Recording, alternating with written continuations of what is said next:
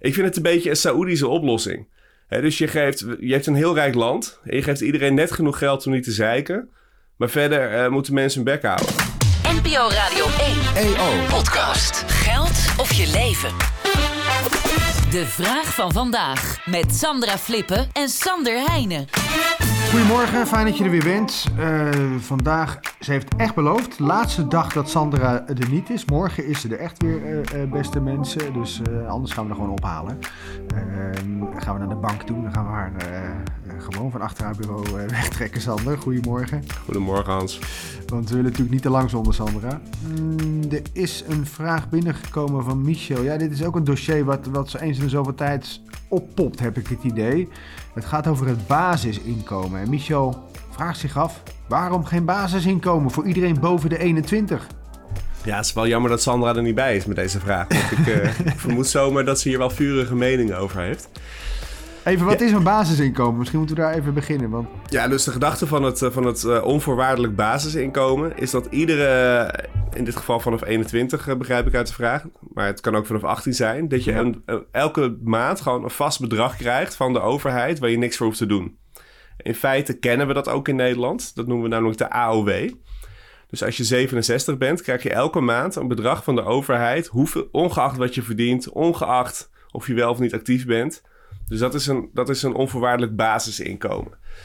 En uh, er is een beweging in Nederland. Die is een beetje informeel aangevuurd, uh, natuurlijk door, uh, of aangevoerd, moet ik zeggen, door Rutger Bregman. die zeggen van laten wij gewoon iedereen een onvoorwaardelijk basisinkomen geven. Want dan geef je mensen eigenlijk meer ruimte en vrijheid om te doen wat ze belangrijk vinden. En een argument dat bijvoorbeeld vaak wordt gebruikt, hè, stel mantelzorgers of mensen die veel vrijwilligerswerk doen. En Nederland is echt een land dat. We zijn een samenleving die heel erg draait op vrijwilligers. Ja. Uh, dat je die mensen uh, gewoon vergoedt voor de bijdrage die ze leveren aan de samenleving. Dus dat is een, uh, een, een, krachtig argument daarvoor.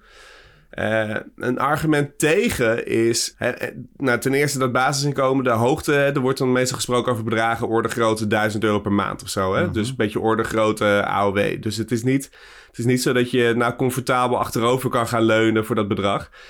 Maar een van de argumenten um, die wat mij betreft tegen het basisinkomen pleiten is... Kijk, zo'n basisinkomen lijkt mij een heel logisch idee op het moment dat je niet genoeg werk hebt om iedereen aan het werk te houden. En dat er niet genoeg te doen is, dat er niet genoeg economische activiteit is, waardoor je moet zorgen dat mensen niet in de armoede vervallen. Als we dan kijken naar de Nederlandse economie, dan hebben we eigenlijk een ander probleem. Hè? Want vrijwel iedereen is aan het werk. Uh, er is ongelooflijk veel werk. Sterker nog, we hebben meer banen op dit moment dan mensen die willen werken. Uh, dus om het inkomen te verdelen heb je niet per se een basisinkomen nodig. Maar wat we wel zien gebeuren is dat voor heel veel mensen dat werken eigenlijk te weinig oplevert om van te leven. Terwijl we wel ongelooflijk veel vermogen en rijkdom in dit land hebben en er heel veel geld door het land heen stroomt. Dus ik kijk altijd naar het basisinkomen en ik weet dat het. Uh, binnen uh, de progressieve uh, hoek van de samenleving mm -hmm. maak ik mezelf er altijd een beetje impopulair mee. Terwijl ik geloof ik wel vaak tot die groep gerekend word. maar ik vind het een beetje een Saoedische oplossing. He, dus je, geeft, je hebt een heel rijk land. En je geeft iedereen net genoeg geld om niet te zeiken. Maar verder moeten mensen hun bek houden. En ik vind uh, eigenlijk dat werken gewoon moet lonen. Juist omdat werken, dat, dat levert heel veel positiefs op voor de samenleving. Dus ik zou het vrij logischer vinden als mensen die zich heel erg inzetten voor, uh, voor, voor verenigingen of wat dan ook, dat er ook een vorm van inkomen bij zou passen, hè, wat je op die manier kan doen. Uh, maar vooral mensen die gewoon nu in dienst zijn en toch afhankelijk zijn van toeslagen om rond te komen. Ja, dat betekent dat die lonen te laag zijn. Want in de vraag zei hij ook iets over... Uh, dat, dat, als we het basisinkomen zouden hebben... dan hebben we die toeslagen niet meer nodig. Ja, ja, ja. Ja, kijk, ik vind het absurd dat wij toeslagen moeten betalen... aan mensen die gewoon voltijds werken. Want in feite is die toeslag gewoon een subsidie aan die werkgever... die daardoor zijn werknemer te weinig kan betalen om van te leven. En dan pakken we dat als samenleving, hè, als belastingbetaler... pakken we dan die rekening op. Maar dan is het toch, maakt het toch niet zo uit hoe je het noemt. Of het is een toeslag of het is een basisinkomen. Dat gevoel krijg je dan toch een beetje? Nou, dat is dus eigenlijk wat er nu gaande is, wat er nu aan de hand is. Maar ik zou zeggen, je moet juist zorgen dat als iemand werkt, dat hij genoeg verdient, dat hij zonder toeslagen gewoon zijn zorg kan betalen. Dat hij zonder toeslagen gewoon zijn huur kan betalen. En dat doe je door de lonen substantieel te verhogen. En als je kijkt hoe winstgevend bedrijven in Nederland gemiddeld zijn, kan dat ook makkelijk. Dus, dus in die zin vind ik het eigenlijk de verkeerde discussie voor dit moment. Maar zolang er voor iedereen werk is, moet je het volgens mij gewoon hebben. Hoe zorgen we nou dat dat werken ook loont? Maar als er geen werk is, heb je toch gewoon de uitkering nog? Eerst de WW en dan uh, ga, je, ga je de bijstand in of de uitkering in. Nou, dus dat is ook eigenlijk een vorm van een basisinkomen. Alleen is dat inderdaad alleen voor mensen die een beetje pech hebben gehad. En wat je dan wel kan zeggen, is als je het onvoorwaardelijk maakt. Maar dat zou je natuurlijk ook met de bijstand kunnen doen. Je zou natuurlijk kunnen zeggen, um, laten we die mensen niet opzadelen met de sollicitatieplicht en allerlei andere. Hè, er zijn natuurlijk de afgelopen 10, 20 jaar zijn er heel veel uh, excessen naar buiten gekomen. Hoe mensen echt vernederd zijn. En we hebben die voorbeelden gehad van, uh, van mensen die dan af en toe een tas boodschappen kregen en een hele bijstand moesten terugbetalen.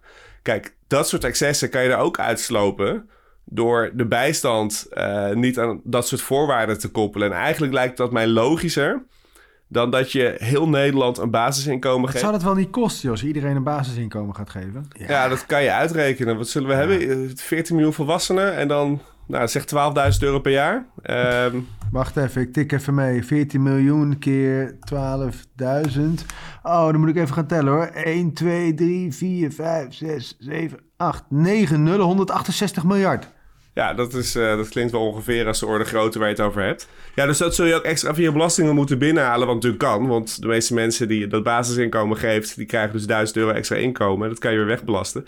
Nee, dus, dus Nee, het zou allemaal wel kunnen. Alleen ik denk dat het democratischer is om gewoon iedereen uh, die werkt... gewoon een eerlijk deel van, aandeel van de, van de waarde die gecreëerd wordt te geven. Dat zou mijn uh, voorkeur hebben. Het is, een, uh, het is een heet gebakend dossier dit. Dat in ieder geval wel. Als er over gediscussieerd wordt, is het echt bingo. Dus, um... Ik merk ook altijd dat ik een paar fans kwijtraak als ik er iets over zeg. Maar, ja, die gaan nu allemaal Sandra bellen. Ja, ik durf wel te zeggen dat... ik, ik, ik kan me bijna niet voorstellen dat Sandra voorstander van het basisinkomen is... als ik haar een beetje ken.